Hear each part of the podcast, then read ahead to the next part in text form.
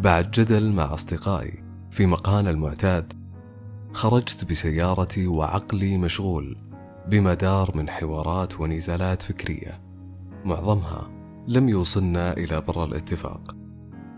وأثناء انعطافي إلى أحد الشوارع الداخلية رأيت شيخا كبيرا يمشي على الرصيف ببطء شديد.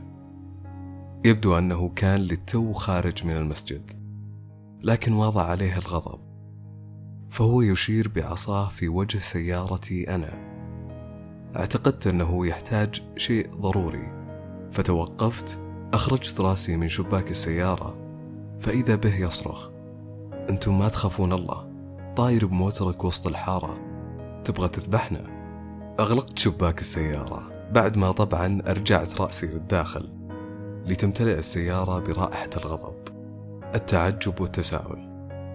غضب من الإحراج اللي تسبب لي فيه هذا الشيخ الكبير. التعجب من اعتقاده بأني مسرع بالسيارة. وتساؤلات حول طبيعة من منا معه الحق. أنا ولا هو؟ وأنا أعتقد أنه بسبب حركته البطيئة في الشارع سيرا على الأقدام هو يرى أنني متهور وطاير بالسيارة. أنا أقود بسرعة بالنسبة لرجل عالمه الرصيف. إذا المسألة نسبية فأنا والشيخ الكبير في عالمين مختلفين صحيح أني ارتحت بهذه الإجابة لكن بقيت التساؤلات الأهم في الحياة تساؤلات مثل هل جميعنا نرى الأشياء بصورة وطريقة واحدة؟ أم لكل أحد نظرة مختلفة؟ يعني مثلا السماء هل هي فعلا زرقاء اللون؟ ولا أنا بقدراتي البشرية المحدودة أراها بهذا اللون؟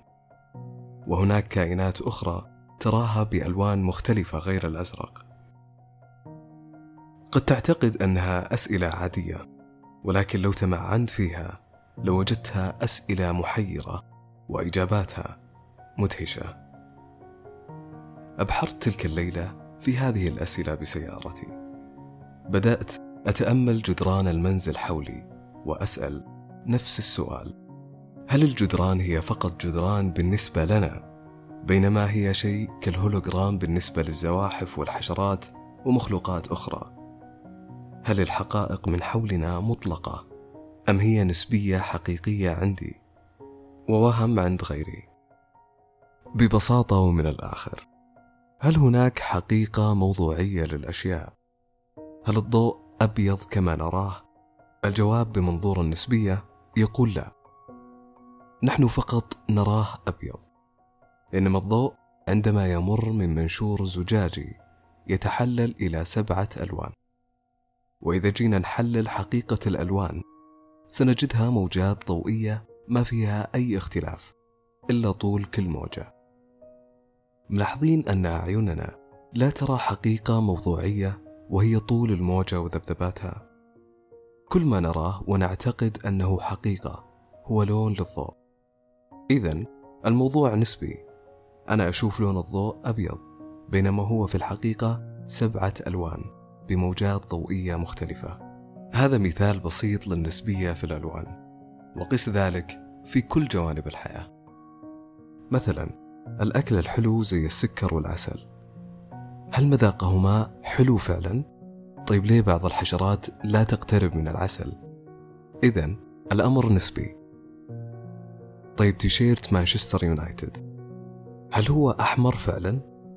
أم أن مادة التيشيرت امتصت كل الألوان ورفضت امتصاص موجة محددة ذات طول محدد بمعنى أنها عكست لنا فقط اللون الأحمر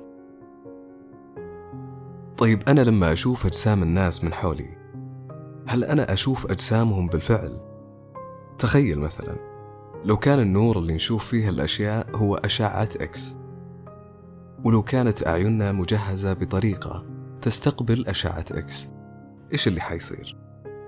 نظرنا حيخترق الجلد البشري نعم سنرى ما بين جزيئات الجلد ونبدأ نشوف بعض كهياكل عظمية ما عاد في هذا أبيض وهذا أسمر وهذا أشقر كلنا كومة عظام تمشي على الأرض.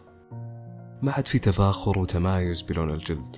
خلاص كلنا واحد. لكن لا تشيلوا هم. الإنسان بطل اختراع وسائل التمايز والاختلاف. حيخترع طريقة يصنف فيها كل واحد الآخر حتى لو كنا هياكل عظمية. وقتها قد يبدأ في مقارنات الهياكل العظمية ببعض. فهذا برستيجه عالي وعظمته عريضة. والثاني يتباهى بتاتو على عظمة الترقوة. لا تخافوا ما راح نغلب. نرجع للنسبية. لو ما الحياة يا جماعة؟ لقلت أن الرسام التجريدي هو متخصص فيزياء نسبية متنكر في رداء فنان. نعم وأكررها. التجريديين هم فنانين حاولوا رؤية العالم بطريقة أعمق من الطريقة اللي نرى بها العالم. إحنا بأجهزتنا البشرية نرى العالم بطريقة عادية. أما التجريدي فيحاول أن يلبس نظارات أعلى من مستوى الإنسان. الفنان التجريدي في يديه أدوات أقوى من الليزر. أشعة إكس أو حتى القنبلة الذرية. في يديه فرشاة ولوح ألوان وقطعة قماش. وعقله يحاول تقشير ما نعتقده جسم موضوعي. لنرى في النهاية حقيقة أشياء لم نكن نتخيلها. الكلام في نسبية الحقائق لا ينتهي. النجوم مثلا سيختلف عليها ثلاثة أشخاص ينظرون للسماء. الأول ينظر لها بتلسكوب ويصرخ بأعلى صوته بأنه يرى نجما يلمع في السماء. الثاني بعينه المجردة يعترض بأنه لا نجم في السماء. أما الثالث فهو فيزيائي هادئ يقول أن النجم كان موجود لكنه انفجر من ملايين السنين. وما نراه يدوب ضوء النجم وهو يصل لنا. ملاحظين كلام الأخير. إحنا نشوف ضوء نجم انفجر من ملايين السنين وضوءه للتو يصلنا. إحنا نشوف يا جماعة ماضي وليس حاضر.